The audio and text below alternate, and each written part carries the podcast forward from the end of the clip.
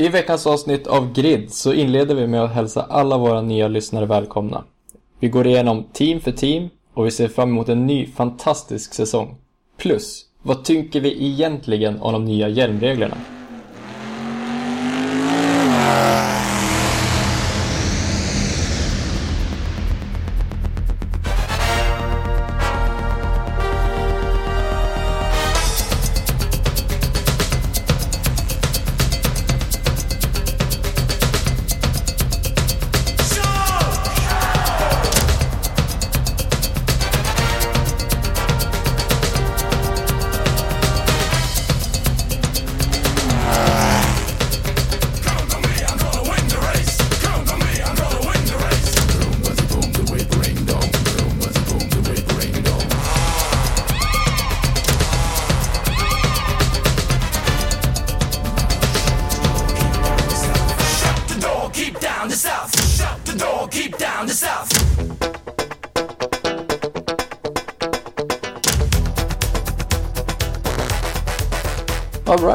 Välkomna till Grid, en eh, podcast om motorsport med eh, fokus på F1. Eh, Jag som talar här är Douglas och vid min sida så har jag Filip. Hur är läget?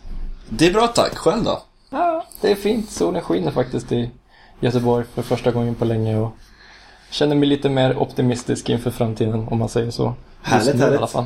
Ja, men visst. Det kanske passar att börja med en liten presentation av oss båda. Vem är, vem är Filip? Filip är en eh, 19-årig grabb från eh, Hallstahammar, strax utanför Västerås. Eh, Den lilla byn där det inte händer så mycket kanske. Eh, Mycket motorsport på TV, eller sport överlag kanske. Det är väl kanske det man behöver veta om mig. Alright. Du antar att du är ett stort motorsportfan? Absolut, absolut. Följt eh, motorsport sedan man var liten. Eh, allt som har gått på TV, VRC, STCC, MotoGP och såklart eh, Formel 1 då. Ja, good times. Jag minns när eh, VRC var lite större, när man följde liksom eh, Carlos Sainz och grabbarna. Absolut. Eh, Marcus Grönvall, Petter Solberg. Ja. tidigare. Ja, Marcus Grönholm är ju en riktig, riktig rackare där. det kan man lugnt säga. Men vad härligt. F1 då, vad har du för relation till det? Ja, det börjar väl... Ja, jag är född 96, så någonstans tidigt 2000-tal. Började med att man var uppe hos morbror och kikade lite då och då. Eh, sen växte det på sig där. Man levde med Michael Schumacher plockade titel efter titel och sen har det bara suttit med liksom. Varenda helg nästan. Så det Ja. sitter där någonstans i ryggraden liksom. Ja, det var riktigt härligt. Ja. Minns förr i tiden när det gick på eh, TV4. Ja. Och man satt och väntade varje helg. Jag minns att jag och min kompis kollade mycket och följde McLaren med stort intresse. Så de har alltid varit ganska nära mitt hjärta om man säger så.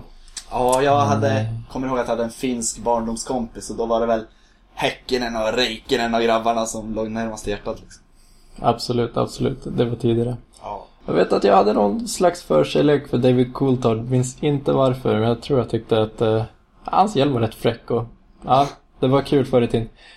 Ja. Bortsett då från när Mikael Schumacher dominerade, men det är en helt annan femma. Ja. Eh, nu får man väl mer hoppas att eh, han någon gång tillfrisknar från sin lilla dust. Ja, absolut. Ehm, så ja, tankar till honom såklart. Ja.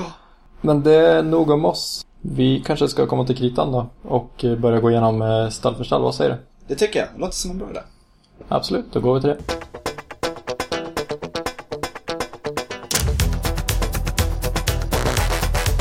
Då tänkte vi göra så här att vi går igenom eh, stall för stall då helt enkelt nu när försäsongen är över och summerar våra tankar lite grann så här kuriosa, lite kortfattat helt enkelt vad vi anser. Ehm, så vi börjar med eh, Mercedes. I år har de eh, Lewis Hamilton och Nico Rosberg vid ratten, precis som eh, förra året. Stallet grundades 54 men har kört endast åtta säsonger i Formel 1 så det har varit lite fram och tillbaka med det. De har en förartitel under sitt bälte och de har också en konstruktörstitel. Och de är båda från förra året då Hamilton vann och Rosberg blev tvåa. Lite kuriosa då om Mercedes det är att Ross Braun bildade Braun Racing för, ja, i runda slängar eh, någon enstaka pund sådär. Och eh, grundade i sin tur Braun Racing, vilket sedermera kom att bli Mercedes. Så Ross Braun, ja, är det han egentligen som har lagt grunden för eh, Mercedes eh, framgång nu? Eh, lite annat också är att Marcus Eriksson faktiskt testade för dem 2009, men eh, ja, sedermera så blev det då Hamilton och Rosberg som körde. Vad tycker du om Mercedes, Filip? Ja, alltså Mercedes kan man ju säga minst sagt dominerade förra året. Och liksom, äh, teamen bakom har ju börjat knapra in på försprånget men de har ju bra koll på den här situationen som ohotat detta kan man ju minst sagt säga. Ja, det är lite intressant det där. De har ju börjat knappa in men ändå är så fruktansvärt dominanta alltså. Ja, det är helt stört egentligen. Och deras försäsongstester, det har ju bara, det har ju bara flyttat på liksom. Många varv, få tekniska problem. Ja, de har överlägset mest varv. Jag tror de leder med ett, eh, med ett par hundra till och med. Eh, innan eh, närmsta konkurrent så att säga. Och så att Rosberg har kört otroligt mycket. Hamilton lite mindre men fortfarande intressant. På försäsongen så är det ju inte vem, vem av förarna som kör mest. De kan ju den här bilen utan och innan. Det handlar ju bara om att teamet ska få så många varv som möjligt. Så. Absolut, absolut. Vi tror på förhand att det kommer stå för me- mellan Mercedes-förarna i år igen, eller hur? Ja, absolut. Det finns, just nu finns det inte ens på världskartan att någon annan ska hota dem liksom. Det gör ju inte det. Även om eh, flera stall har visat framfötterna på försäsongen så... Ja, Mercedes de känns fortfarande dominanta. Så egentligen, vad tror vi den stora frågan är då? Vem av eh, förarna har, tror du har eh, övertaget i stallet just nu? Ja, alltså det är väldigt svårt att säga. Men alltså, ja. Jag, jag tror, jag, jag tror, vill och hoppas faktiskt att Rosberg kan knipa den där förbannade titeln nu alltså. Inget, inget ont om Hamilton, han är en riktig talang. Men jag, jag gillar mäster, eh, vad ska jag säga, mästerhjärnan. Absolut. Ja, jag har ju lite förkärlek då eftersom att jag är ett gammalt McLaren-fan så har jag, jag har alltid tyckt om Hamilton. Men det skulle faktiskt vara kul ifall Rosberg fick ta titeln i år. Han har jobbat så otroligt hårt för den under flera säsonger. Och han har gjort det otroligt bra också. Nära förra året. Hamilton är dock en, en snabbare förare rent praktiskt. Men i teorin skulle man kunna säga att Rosberg är bättre förare. Mer komplett. Ja. Uh, Medan Hamilton har den här råsnabbheten på ett annat sätt. ja. Man kan väl jämföra han med kanske som en Usain Bolt liksom i sprint. Precis, Han, lite han, mer är, så. han är ju den där rå talangen, så finns det de som tränar och tränar men de kommer ju aldrig upp till hans nivå liksom. Det är dock lite jämnare tycker väl jag mellan Hamilton och Rosberg än Bolt och alla andra. Ja, så kanske det kan vara. Så kanske det kan vara. Ehm, bilen då, den ser likadan ut nästan som förra året. Både aerodynamiskt och rent stilmässigt. Eh, jag har alltid tyckt om Mercedes när jag varit med. Den är både snygg, snabb, ja. Den ser komplett ut och vi kan väl inte säga något annat i år. Nej, kan väl bara hålla med. Det som jag tycker gör Mercedesen extra snygg, det är de där alltså, nyanserna av grön som är liksom på sidepodsen. Den, den gör någonting, jag vet inte fasen, men snyggt kan det Absolut. vara. Lyfter upp och sen eh, i år är den också lite mer svart. Ja. Jag tycker det är fint. Men mer om det senare. Vi ska gå in på mer kring bildesign och hur alla stall har förändrats med tiden.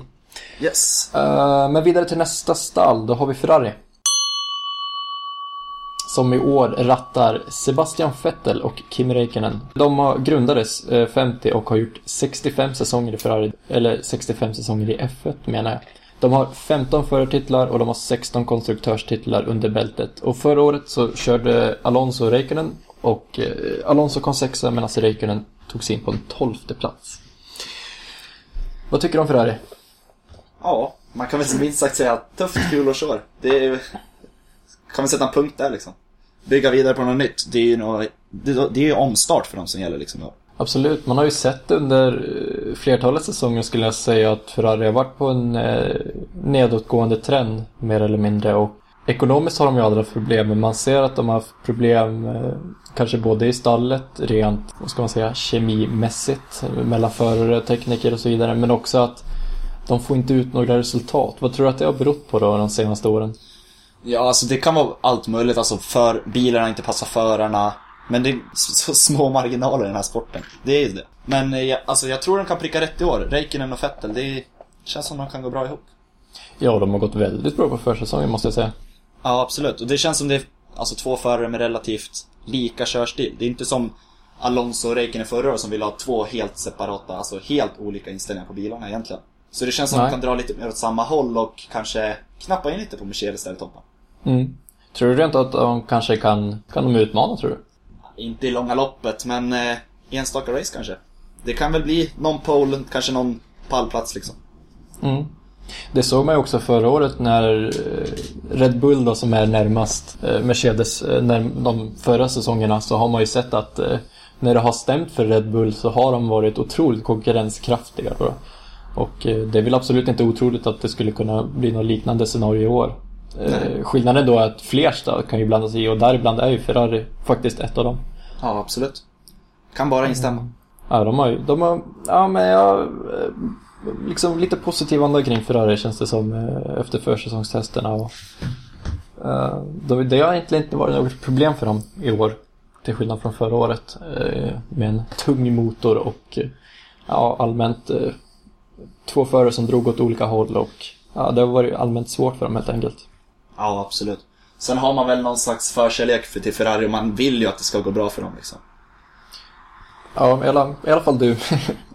Alltså kanske, man har ju varit där i, på Ferrari-museet och sett liksom deras alla triumfer, alla pokaler och sånt. Så man, man vill ju att det ska gå bra, att det ska fyllas på i den där prishyllan lite till kanske. ja, absolut. Fettels rutin, tror du den kommer spela stor roll för Ferraris framgång? Det tror jag. Absolut.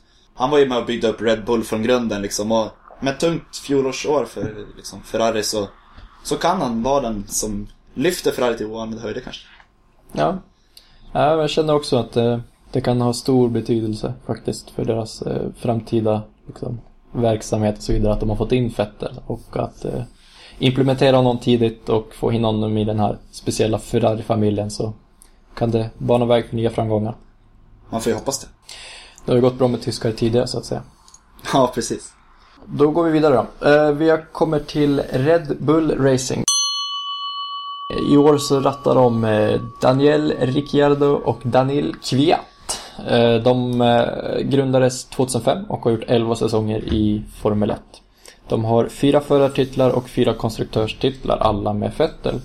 Förra året så körde Ricciardo och Vettel var på Ricciardo kom trea och Sebastian Vettel kom femma. Eh, lite kurios om Red Bull är att de eh, sponsrade Sauber faktiskt. Eh, Då menar ju företaget Red Bull redan 95 men bildade då sitt egna stall 2005. Vad tror du rent spontant om Red Bulls chanser i år? Red Bull kommer ju vara ett riktigt spännande team i år, kan man ju minst sagt säga. Alltså, Ricciardo gjorde en bra fjolårssäsong. Orutinerad, liksom, rookie, kommer in och är riktigt, riktigt bra. Liksom. Han, över, han överraskade ju på, jag tror inte det var någon som hade förutspått att han skulle gå så bra. Nej. Eh, Vettel har försvunnit, mycket rutin, plockar upp Kviat istället.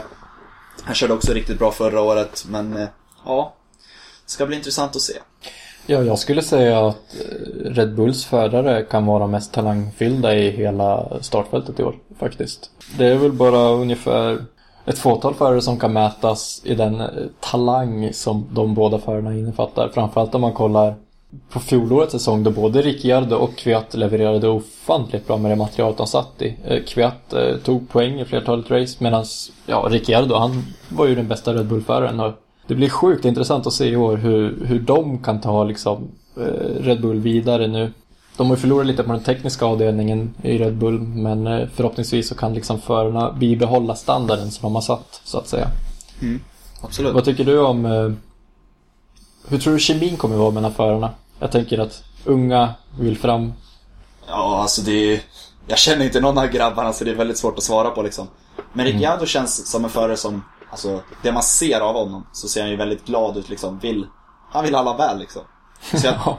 han, han känns lite som pappan i gänget även fast han är väldigt ung. Liksom, han vill att alla ska komma in i familjen, ha det gott liksom. Så det känns Det- in, intressant att få in en Kviat i det där också. Det är en jätterolig iakttagelse och jag kan faktiskt inte annat än hålla med. Jag tycker att eh, Rickard är en fantastisk personlighet och jag såg ett riktigt kul inlägg på Twitter häromdagen när han la upp en video på sig själv och bara ja nu kan jag göra det här också. Det var ju kul det. Jag hoppas det är bra och bara howdy might och lite så här australiensisk avkopplad eh, surfer dude känns han faktiskt som. Ja, man såg ju redan, redan i premiären i Melbourne förra året att alla var sammanbitna och taggade på det här. Han gick runt och log och skrattade och tyckte att jag tar det här med en klackspark, men när race väl kommer då, då växer hornen ut. De gör ju det och han är faktiskt jäkla snabb förare måste jag säga. Ja, han utnyttjar materialet till fullo kan man minst sagt säga. Han var ju bästa, han var ju bästa föraren i fältet. Ja, om man räknar bort Mercedes-förarna såklart som körde i en annan division om man säger så. Mm, absolut. Absolut. Nej, det blir riktigt spännande att följa Red Bull också faktiskt nu när förlorar liksom eh, forna världsmästaren Vettel och eh, ja, de får börja om lite på nytt de med. Känns som att det är ganska många stall som börjar om på nytt i år. Om man kollar Ja. både Ferrari, Red Bull, eh, du har McLaren med ny motorleverantör och så vidare. Det är nog relativt många som vill glömma fjolårssäsongen förutom Mercedes då. Ja, mer eller mindre så faktiskt. Det var ju klurigt förra året med nytt reglement och så vidare men eh, vi kommer in på det sen. Vi går vidare. Är vi klara med Red Bull? Ja, det tycker jag. Vi Ja. snabba kliv vidare. Då hoppar vi till McLaren Honda. I år så kör man med Fernando Alonso och Jenson Button. De eh, grundades 66 och har gjort 49 säsonger i Formel 1. De har 12 förartitlar och 8 konstruktörstitlar. Och förra året så körde Button och Kevin Magnussen. Button kom 8 och eh, Magnussen kom 11. Lite kuriosa då om McLaren det är att trots rutinen inom F1 så är de väldigt svältfödda på framgång. Eh, då den senaste konstruktörstiteln kom 98 med just Häkkinen och Coulthard. Och eh, den senaste företiteln kom 2008 med eh, Hamilton. Så det är snart, eh, snart 10-årsjubileum igen. Eh, får se om nästa framgång kommer 2018 eller kanske det vänder redan i år. Vad tror du egentligen? Nej, det kommer inte vända i år. Det kan man ju bara... Det är bara konstatera den förhand. Motorleverantören, alltså det har ju rullat på relativt bra sista dagarna men de är ju långt ifrån där de vill vara. Och sen det här, det som hände med Alonso i Barcelona, det vet man ju inte. Det kommer ju nya rykten varje dag och läste senast någonting i datorn, han har fått en 600 watt liksom, stöt genom kroppen så då... Då är man kanske inte jättekaxig efter det. Nej, de har haft en minst sagt turbulent försäsong då. För de som inte vet så kan jag meddela att eh, Alonso då under ett test i Barcelona eh, körde helt enkelt av in i en kurva, fördes till sjukhus, eh, låg inne på sjukhus i en vecka, kom ut igen och eh, har nu fått, eh, han har meddelat att han inte kommer köra i Australien, eh, läkarens ordinationer. Att, eh, för om han skulle krocka igen då så skulle det gå riktigt illa. Och det är så himla mycket... Eh, det finns liksom ingen fakta kring det här. Ingen vet egentligen vad som har hänt utan det är bara spekulationer som byggs vidare. Troligtvis så är det en hjärnskakning och inget mer med det. Det har väl vilken hockeyspelare som helst drabbats av, höll jag på att säga. Men eh, är det, det är det här som är spännande med Formel 1, att det är så himla mycket runt omkring. Och eh, jag vet inte vad egentligen som har hänt. Och det enda jag vet är att Magnussen kommer köra då istället för Alonso. Och att McLaren har haft det jäkligt jobbigt på försäsongen alltså. Kan man ju minst sagt säga. De har ju försökt, de säger att de har packat ihop motorn så tight det går liksom. Att det är, ja, det tajtaste de någonsin har sett men, eh, ja, det verkar ju inte gå så bra. Det är inte tajtheten som räknas, det är ju farten. Ja, det är ju så. Det såg man redan förra året att bilar som hade packat tätt hade problem. Och eh, att pressa bilen sådär riktigt, riktigt hårt, det, det kan straffa sig. Som det verkar ha gjort i McLarens fall. Frågan är då hur det kommer spegla sig över säsongen. Om de kommer få bukt på det tidigare eller om de, ja, ställer sig in på nästa säsong tidigt liksom. Det är ju intressant. Ja, det är väldigt Faktiskt. intressant. Och det skulle också vara intressant om Kevin Magnussen skulle leverera nu i Australien. Och vad händer egentligen då i stallet? Antagligen så kommer ju Alonso och Button köra hela säsongen. Eh, Men jag tänker, eh, Magnussen var duktig redan förra året och han kommer stärka sina kort då. Absolut. Men han kanske kliver tillbaka redan nästa säsong. Det vet man ju inte. Det vet man inte. Det beror väl på den har lite... varit med nu. Ja, verkligen. Han har ju rutinen men har han, har han verkligen farten fortfarande? Det är ju också en fråga. Ja. Han är kanske inte, han kanske inte är den där toppföraren längre. Han kanske är mer mitten av fältet liksom. Hur kommer det sig att Honda är så himla efter då? Jag tänker att McLaren körde ju en säsong förra året. Eh, Ja. De samlade mycket data. Ändå så verkar inte det spela någon roll. Har Honda helt avskärmat sig inför den här säsongen? Eller varför, varför har det gått så snett helt enkelt? Nej, jag, faktiskt, det är så sjukt svårt att så, alltså, svara på liksom. De har tryckt upp, som jag sa, de har försökt trycka upp sin motor så mycket som möjligt. De har liksom, provat och fram och tillbaks men det är, man tycker de borde ha lärt sig av barnsjukdomar som var liksom förra året. Men, eh, Ja. ja. Honda kanske inte kollar så mycket på Formel 1. Man vet ju aldrig. Nej, det verkar ju uppenbarligen inte så. Och sen eh, blir man ju också lite så konfunderad kring Mercedes om eh, hur mycket data behöll de själva liksom och tog vidare. Hur mycket fick McLaren ta del av sådär. För jag kan tänka mig att som stall vill man ju kunna ge sin nya motorleverantör så mycket som möjligt. Men Mercedes kanske inte har tillåtit det. Nej, det vet man ju inte. Det är ju sånt, det kommer nog aldrig läcka ut heller, så man vet ju inte. Nej. Kommer de få en titelsponsor då? Ja, det, det är ju den stora frågan. Kommer det någonsin sitta en sponsor på den här sidepodsen igen? De sa ju att CNN skulle gå in och sponsra den där, men deras sponsor sitter ju på framvingen. Så, så man vet aldrig. Nej. Nej. Jag det- hade... Jag la mina kort på Sony tidigare. Eh, när det skulle komma en japansk motorleverantör. Då tänkte jag, ja men då blir det Sony. Det var rykten om dem, men inte vart det något av det. Så senaste var ju Vodafone.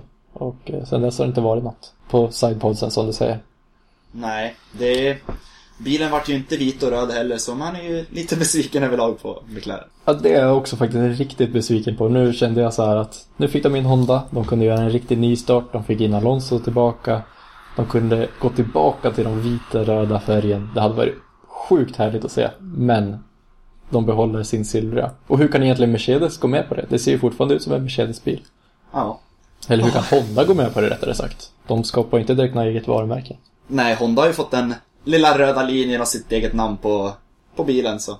Men så är det inte med dem. Om det är någon utan, utomstående som säger ja ah, det där är ju McLaren Mercedes. Eh, ja, lä, läs vad det står på bilen så kanske det ändrar dig. Men det är inte någonting man ser direkt att de har bytt motortillverkare. Nej. Nog om det, vi går vidare till Williams. Som i år kör med Filippe Massa och Valtteri Bottas, precis som förra året. Eh, de grundades 69, gör sin eh, 46 säsong i Formel 1. De har sju förartitlar och nio konstruktörstitlar. Eh, som sagt, förra året körde Massa och Bottas också. Och Bottas kom faktiskt fyra. Och Massa kom sjua. De gjorde ju ett år över förväntan förra året måste man ju säga. Med både en snabb bil och bra körning utav förarna. Och Massa hade väldigt mycket otur förra året, eller hur? Ja, det kan man minst sagt säga. Han var väl av några gånger och det small både till höger och vänster om honom. Så. Man får väl hoppas att han har lite bättre koll och lite mer stolpe in i år då. Ja, kanske. Skulle du säga att allt var på honom? Nej, det är klart. Vad är det man säger? Det är små marginaler. Ja, precis. Jag kommer ihåg det var mycket startincidenter. Jag tror han var med inblandad i en två, tre avåkningar i, i, där förra året. Och... Ja, han hade ett spektakulärt år. Men Bottas då? Kommer in som relativt ny och levererar otroligt bra. Ja, man är ju minst sagt imponerad av honom. Det, det går inte att ta ifrån honom. Han, han växte ju liksom. Han gjorde en riktigt, riktigt bra säsong. Ja. Ja, felfritt år skulle jag säga utifrån hans förutsättningar och vad bilen eh, ville ge honom så att säga. Ja, Eh, Jag tyckte Williams var en eh, riktigt eh, kul överraskning förra året. Jag hade inte förväntat mig att det skulle gå riktigt så bra ändå. nej.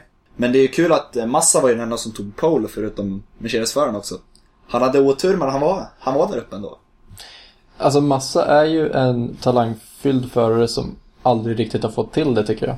Um, Nej. Han har alltid stått bakom någon annan så att säga. Framförallt i, i Ferrari när han stod bakom Alonso.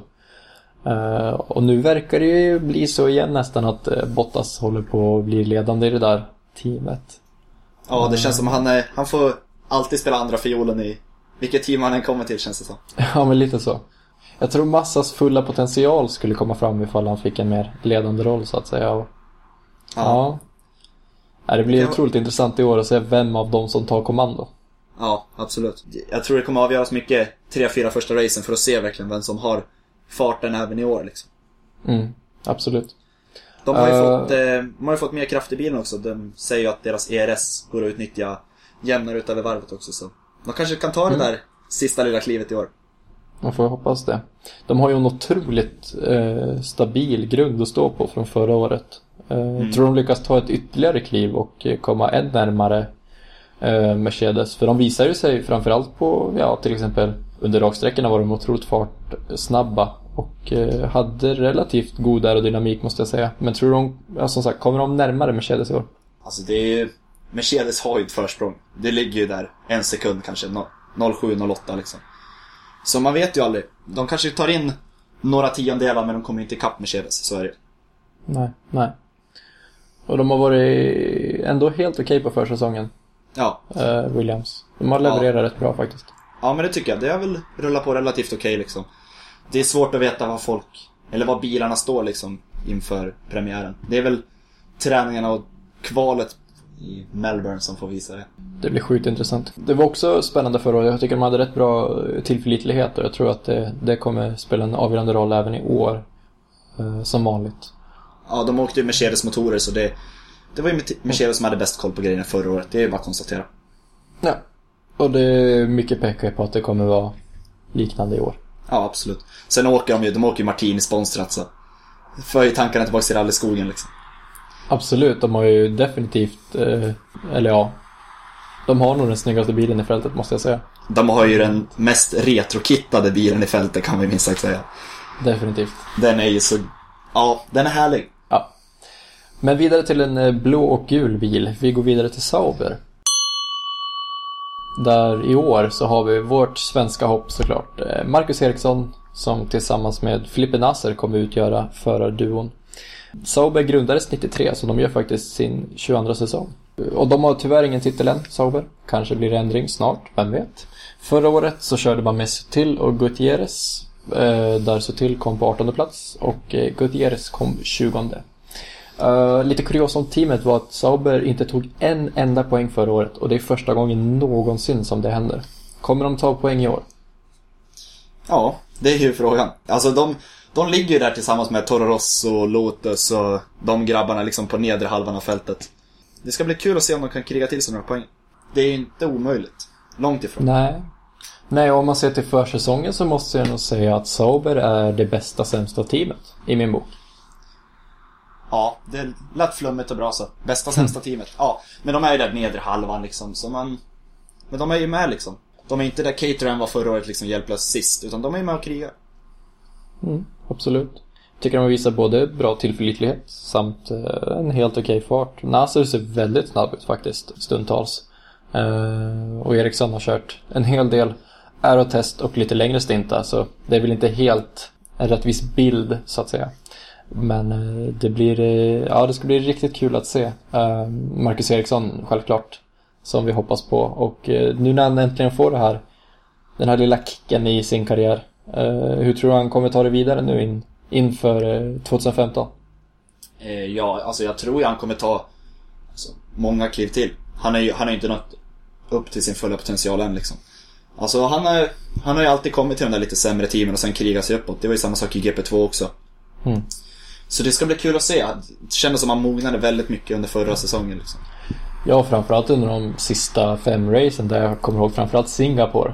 Eh, körde otroligt bra med sin Caterham som var över hela banan så att säga. Och eh, levererade faktiskt riktigt, eh, riktigt, riktigt bra ute efter de förutsättningarna.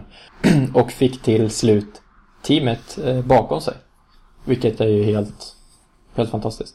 Hoppas att han kan göra något liknande i Sauber där han tar tag i taktpinnen så att säga och för teamet framåt. Det skulle vara, skulle vara riktigt kul.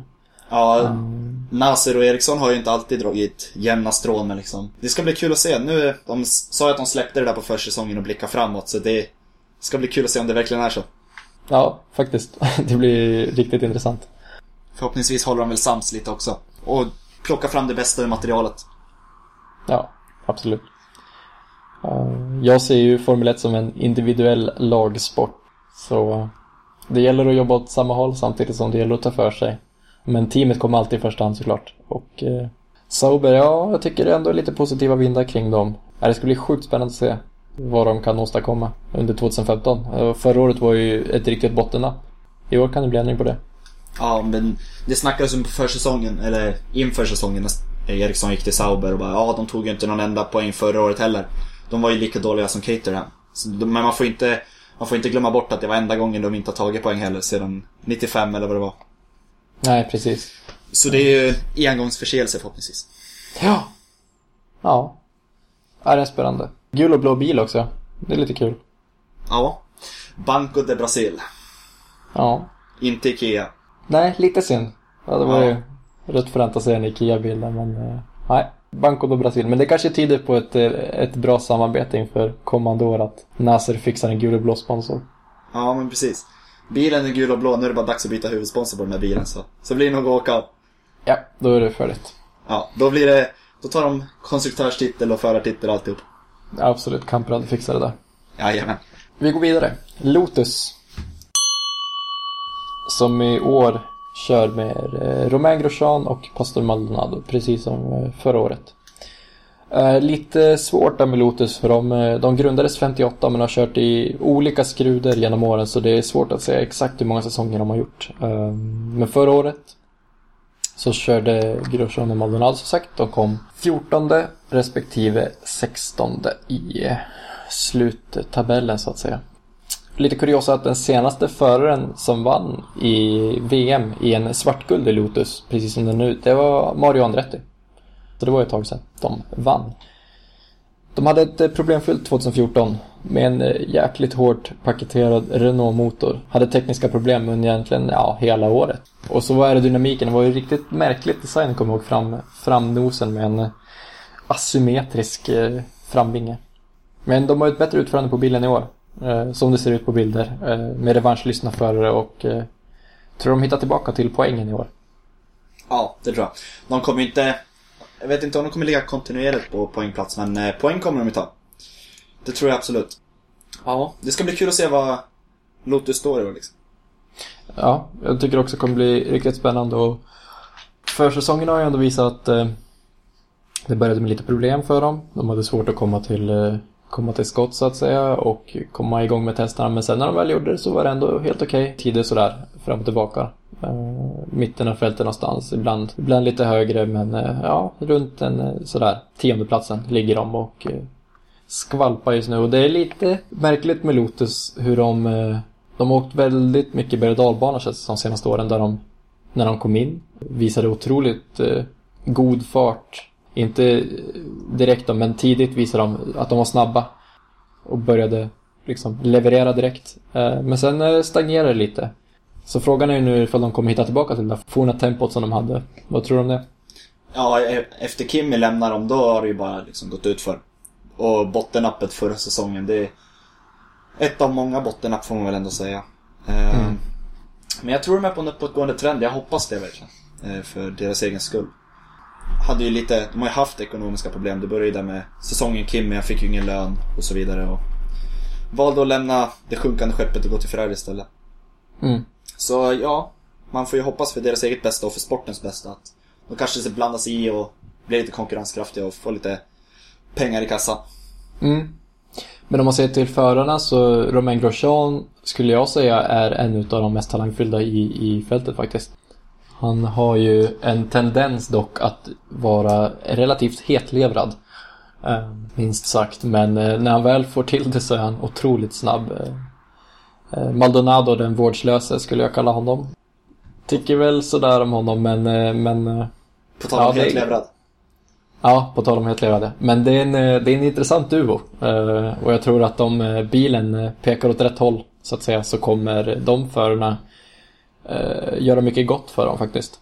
Ja, det känns lite som, de är lite bad guys i Formel 1 om man får ändå säga så. Maldonado, det, det svarta fåret liksom. Vårdslös, vårdslös lite då och då. Gro, Grosjean kan också vara lite åt det hållet när han hamnar, hamnar lite på tvären. Men ja, de är duktiga förare bägge två, annars hade de inte varit där de är idag. Absolut, jag håller med dig. Och så sitter de i en eh, svart guldig bil och eh, ser allmänt farliga ut. Nej. Lotus är ett, eh, det är en, eh, det är en outsider för mig. Eh, svårt att placera dem egentligen. Något fack om de är ett toppteam eller ett bottenteam. Jag tror de är någonstans mitt i, men det blir jätteintressant att se deras utveckling under året. Man får hoppas att de inte sprutar så mycket eld ur de där Renault-motorerna i år bara. Nej, precis. Ja, bilen ser ju mycket bättre ut i år. Ja, det, det kan man ju säga. Och ja, jag tror det blir, jag tror det blir ett, det blir något bättre år för Lotus i år. Skulle jag Ja. säga. ja. Ska vi rulla vidare? Yes, Force India. Kör med Nico Hülkenberg och Sergio Perez som eh, förra året. De eh, grundades eh, 2008, har gjort sju säsonger i Formel 1. De har inte någon titel än. Förra året som kom Nico Hülkenberg nia och Perez körde in på en tionde plats. Ehm, de har slopat det mesta på den svarta bilen och kör i år i en silvrig skrud faktiskt. De har ju visat en uppgång, uppåtgående trend för India senaste åren. Men eh, i år så ser det ut att peka neråt. Eh, vad har du att säga om Force India? Ja, alltså de har ju ekonomiska problem. De kom inte till testerna och liksom släppte sin bil sista veckan här i Barcelona. Fick de fart på en 2015 års bil. Så ja, det är inte positivt på något sätt, men eh, ja, det ska bli kul att se hur det, hur det går från där. Visa att Mm. fjolåret inte var någon engångsföreteelse. Nej, de har ju haft en väldigt turbulent eh, försäsong måste man ju säga. Mm. Eh, och den stora frågan är ju vilka går egentligen sämst för? Är det Force India eller är det McLaren? Ja, man måste ju, alltså, McLaren ligger där på, de är ju toppteam egentligen. Så man måste ju säga att McLaren har ju fallit från en högre höjd om man säger så. Men, eh, ja. Force Indias bil går ju i alla fall relativt bra, så man får väl säga att McLaren har gjort ett djupare fall. Ja, det kanske stämmer det. Kanske stämmer det. Det blir eh, minst sagt intressant att se eh, säsongsöppningen. Eh, vilka som kommer ligga där i botten. För i år känns det inte lika utpräglat som det gjorde förra året som det brukar göra under säsongerna. Att, eh, ja, förra året hade vi Caterham och eh, Maurusha som låg i botten och tampades. Men i år så finns det som inte något sådär jättetydligt bottenteam utan finns ju toppteamen och sen finns det mittenteamen, eh, skulle man kunna säga. Nej, Det är svårt att placera Force India också i något så här speciellt fack. Men de har ändå en, eh, framförallt eh, en fantastiskt duktig förare i Nico Hülkenberg och Perez har ju levererat i McLaren men ändå inte kanske de där topptiderna men eh, Nico Hülkenberg, han är ju faktiskt otroligt duktig. Mm. En riktig talang skulle jag säga att han är. Han har, han, har- han som många andra utnyttjar det mesta av materialet och han är, han var ju riktigt snabb förra året stundtals. Mm. Tror inte det finns någon som kör så mjukt som honom i hela startfältet. Kör både mjukt och eh, snabbt. Och eh, jag tror det kan vara riktigt viktigt för Force India eh, i sin utvecklingsprocess att se att eh, föra det vidare. Ja, de är ju skonsamma mot däcken om något. Mhm. Med en sån eh, mjuk körstil. Precis. Eh, men en silvrig bil. Ja. Då kommer vi tillbaka till det där som vi tog upp i början av programmet att eh, teamen går mot silver alltså. De går ju mot gråare bilar. Alltså, det blir ju... Det är bara att titta tillbaks tio säsonger, alla bilar var ju färgglada och det... Renault åkte gult och blått och det, liksom, det var alla möjliga färgkombinationer där. Men sen har det gått mot svart och mot grått och mot, liksom... Normalare färger om man säger så, liksom. Standardfärger. Och vad tycker vi om det då? Ja, jag, jag tycker det är tråkigt. Ja. Jag är sån som vi... Det ska vara färg på grejerna, man ska kunna urskilja lätt vilken bil som är vilken. Alltså framförallt för TV-tittare och de som inte är jätteinsatta. Det ska ju synas vilken bil som tillhör vem. Typ. Absolut. Det var då jag blev så glad att Red Bull körde med sin eh, fantastiska Camo-bil under försäsongen och då tänkte jag att äntligen kommer jag kunna se skillnad på Red Bull och Toro Rosso men ja, får nog kämpa med en säsong till med det där. Det går ju att skilja på fart om inte något. Ja, precis, man får se det så istället. Ja. Ja, det blir lite tråkigare design överlag i Formel 1, vilket eh, vi tycker är synd i alla fall. Ja, absolut.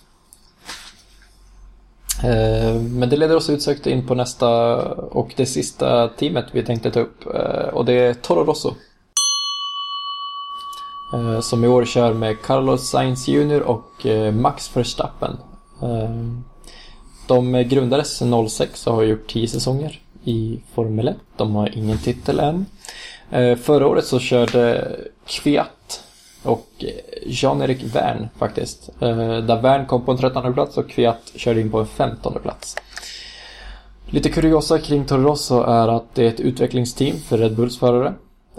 Har tidigare kört Ferrari-motorer men har i år gått över till Renault. Och de har faktiskt under sina år vunnit ett Formel 1-lopp. På Monza i regnet med den rekordunge tysken Sebastian Vettel bakom ratten. Vilken talang det är alltså. Och vad tror vi då om, eh, om eh, Toro Rossos chanser i år? De har gjort en ganska bra försäsong. Ja, framförallt med vilken, alltså vilken duo de ställer upp med egentligen. Det är ju Jos Verstappen och Carlos Sainz söner liksom. Det är två legenders grabbar som ska sätta sig i de där bilarna och åka. Där Max Verstappen inte ens, han har ju inte ens ett körkort liksom. Och ska, Nej, rat- jag tänkte- och ska ratta en Formel 1-bil runt, runt banorna i år. Det blir intressant. Ja, det blir intressant där att se hur det kommer spela ut med eh, rutin versus, eh, vad ska man säga, kämparanda. Eh, jag tror de kommer få det mycket tufft alltså, eh, förarna. Men samtidigt eh, så kan man se vad råtalanger kan göra. Det är bara att kolla tillbaka på ja, Sebastian Vettel som vi tog upp som exempel. Vi har också Hamilton som kom in och levererade direkt i Formel 1. Eh, ju Kimi Räikkönen klev också in. Kimi Räikkönen klev också in och sen har vi Valtteri Bottas också som har bara levererat direkt. Ja. Men det blir sjukt intressant att se faktiskt eh, hur Max Verstappen och eh, Carlos Sainz Jr kommer, kommer hantera det här.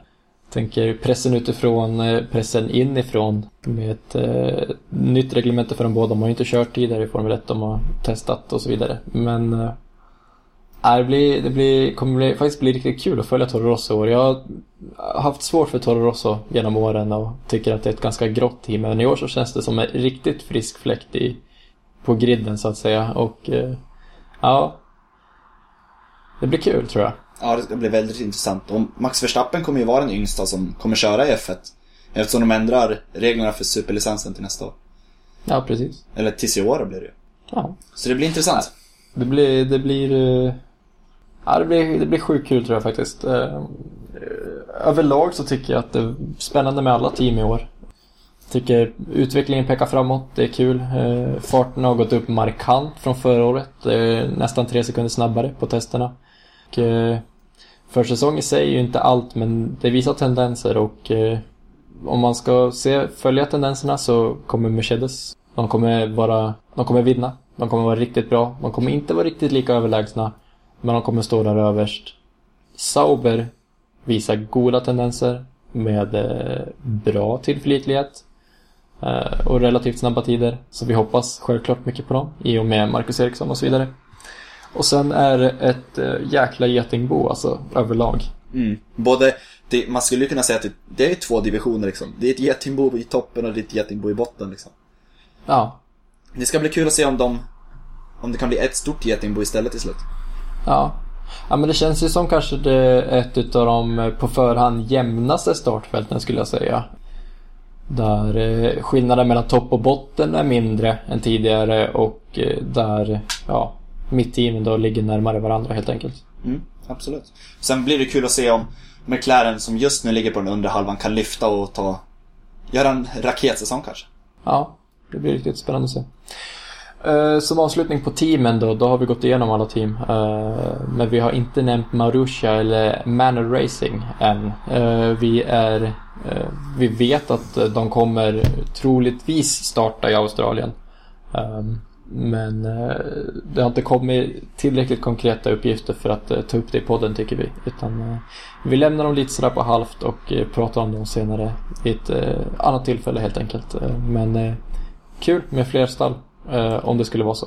Eh, det sägs ju att eh, innan 6 mars ska de ju, måste de ju vara klara liksom för att hinna ner till Australien till premiären så. Det är två dagar kvar när, det är, när vi Ja. spelar in det här.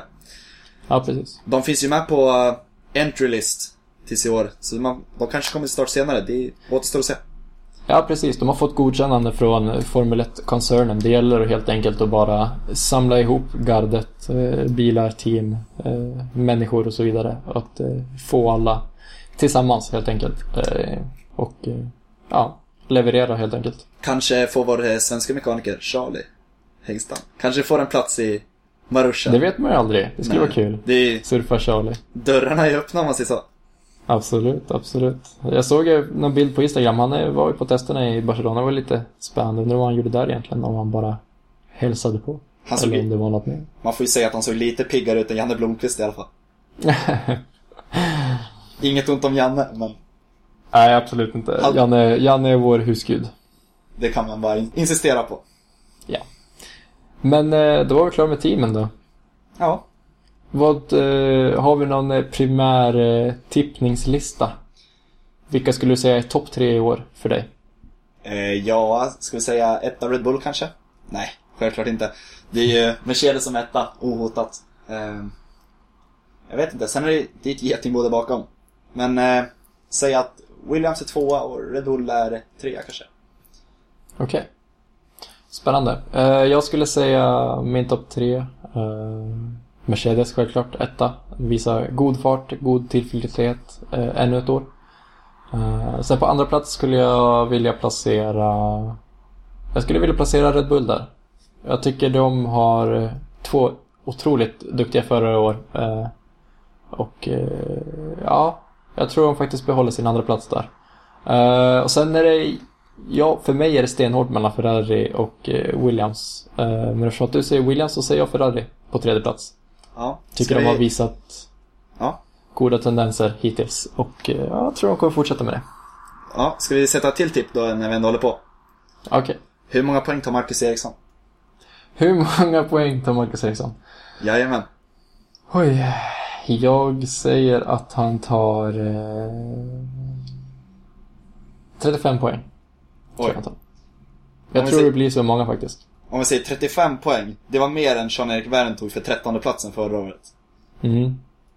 Så Ja, du- nej, jag, jag, jag står fast vid 35 poäng. Eh, jag tycker att Sauber visar goda tendenser och jag tycker att eh, Eriksson har varit jäkla duktig hittills alltså.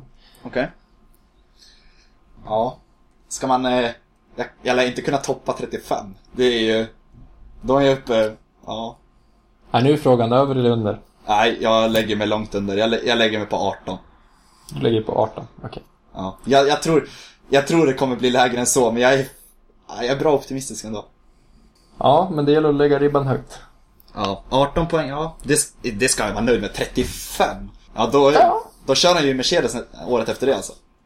Ja, men det får vi hoppas på. Ja, Jag är optimistisk inför den här säsongen. Eh, jag, jag det. tycker, jag tror Sauber är bättre än vad man tror. Jag, jag tror faktiskt det.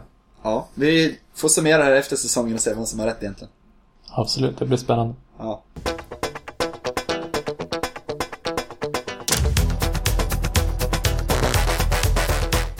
Säsongens första race kommer gå i Australien på Albert Park den 13 till 15 mars. Vi är såklart eh, superladdade eh, inför årets eh, första race och det är alltid lite pirrigt i kroppen när säsongen ska dra igång. Vad tycker du om Australien som bana? Ja. Vad säger man om Australien egentligen? Det är premiären, den, man kan ju inte avsky banan egentligen. Eftersom det drar igång hela cirkusen liksom, så det är, det är starten på någonting stort. Varje, varje år liksom. Verkligen, verkligen. Så det, Eh. den sitter ju kvar liksom sen, ja, banan är ju där. Den har ju funnits med så ett bra tag så. Den ligger nära Absolut. hjärtat.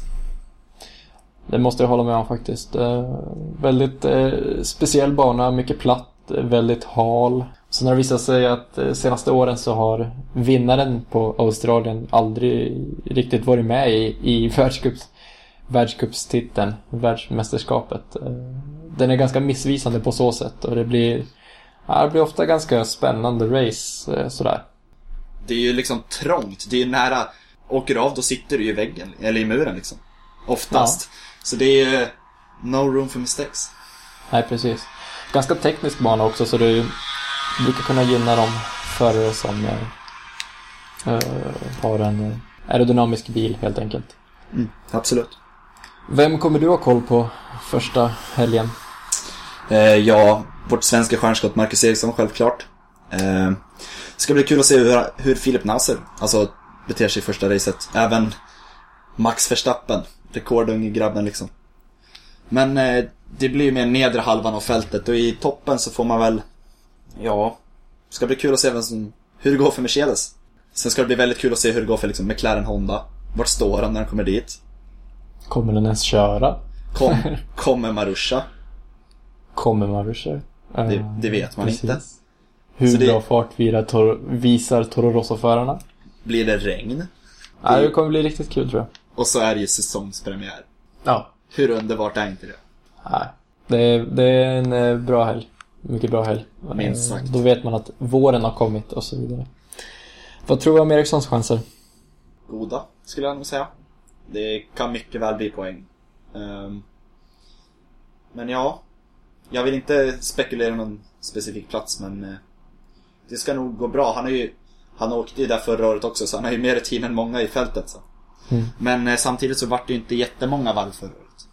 Nej. Jag tror att eh, tillförlitligheten kommer spela mindre roll i år än vad det gjorde förra året. Då var det mer bara att ta bilen i mål så tar du poäng. Framförallt i första racet. Eh, Så det tror jag faktiskt vi kan bortse ifrån. Eh, Men eh, ja, jag tror Eriksson eh, kommer göra det bra. Han har en mjuk körstil, vilket passar banan. Det är många långa svepande kurvor. Inte så mycket start och stopp, utan det är en, det är en ganska flytande bana på så sätt. Eh, vilket jag tror kommer passa Eriksson eh, mycket bra. Och jag tror, jag tror han kommer komma före Nasser i alla fall. Och det är ju egentligen det viktigaste för honom. Ja, det får man ju minst sagt säga. Men ja, det ska bli intressant. Yes. Då ser vi fram emot Australiens GP. Absolut. Den 15 mars. Kan inte den helgen bara vara här redan?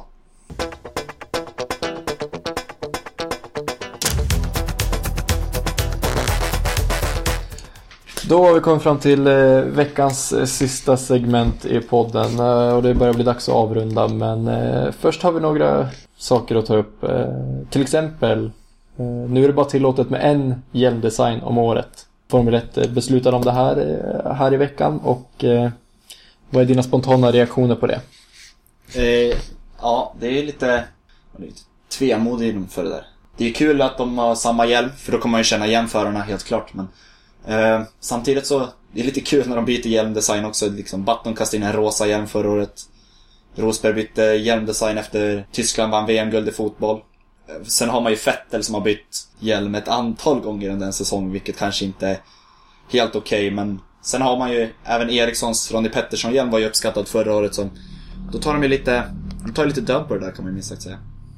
Absolut. Jag ser ju två sidor av myntet i det här att eh, när det går en inflation i det så att säga som det gjorde för Fettel. Eh, den hade eh, en ny igen varje helg och egentligen nästan en ny från träning till race. Då går det lite så här eh, det blir lite mycket product management så att säga. Och jag tycker det är svårt att stärka sitt egna varumärke då. Eh, och det blir tr- ja, tråkigare blir det inte för fansen men man uppskattar ju de personliga designerna. Om man går tillbaka då till Mikael Schumachers röda hjälm kommer man alltid ihåg. Eh, Barrichello som hade den blå toppen. Eh, Coulthards skottehjälm. Det blev på något sätt kännetecknet för en förare och jag tror att det kan, det kan gynna förarna och stärka Formel 1 i sig i slutändan. Eh, Medan den andra sidan av myntet då, det är ju att den, som du säger, eh, förbjuder ju spontana eh, hjälmdesigner då, eh, som hyllningar och bara för att uppmärksamma speciella ändamål. Eh, nu tror jag ju dock att eh, om det skulle hända något tragiskt och så vidare så är det klart att man får uppmärksamma som man gjorde till exempel med Chilbianchi förra året. Eh, med små patches liksom på hjälmarna och sådär. Men eh, ja, jag tycker det är ändå rätt bra. Ja, men sen som du säger, det är ju ingen regel utan undantag. Händer det något tragiskt då kommer de ju tumma på den där regeln också. Ja, Formel 1 är ju ganska kända för att tumma på reglerna. Ja, minst sagt. Och på tal om regler så eh, ryktas det om ett nytt reglemente som är på gång eh, 2017. Eh, vad har vi att säga om det förutom att eh, det ska bli större och starkare motorer eh, och så vidare? Ja, det ska ju skruvas upp till, de snackar ju tusen häst i nuvarande, att det går att få ut i nuvarande motorer också, bara skruva upp flödet liksom i dem. Eh, men det ska ju bli bredare däck och bredare bilar och allt vad de säger. De röstar ju ner det till, till 2016 års säsong eftersom de tyckte det var för nära inpå. Så det kan ju bli 2017 istället då. Men eh, det återstår att se vad det blir av det. Ja, eh, precis. Och det är alltid spännande när det kommer nya reglementen in i Formel 1 att det tar ju utveckling åt ett visst håll och det gäller ju för alla team att eh, anpassa sig efter det.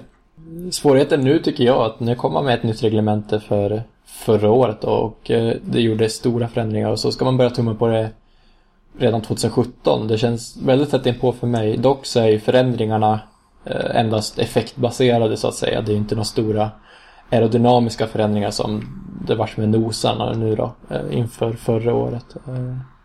Vilket, ja, det kan väl leda till roligare race och så vidare. Ja, det blir intressant att se det hur, hur det kommer fortlöpa under säsongen när det blir liksom fasta ramar.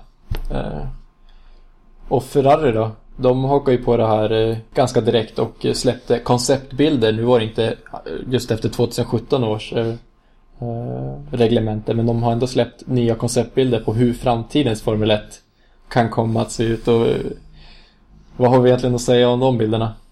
Ja, här sitter jag och skakar på huvudet. Eh, nej, jag, jag är väl emot den där något enormt liksom. Jag vill, visst, det ser, den ser ju bra häftig ut, det gör den ju. Jag förstår ju att folk går igång på bilden men man vill ju att det ska vara lite old school över det hela. Det ska vara inte jättemycket vingar, det ska vara liksom breda däck och mycket effekt. Det, det är smart av dem att släppa den där bilden. Det är ju det här. Ja, det är bra marknadsföring så att säga. Och för de som inte har sett bilderna så kan vi säga att det är basically ett eh, eh, ett stridsflyg.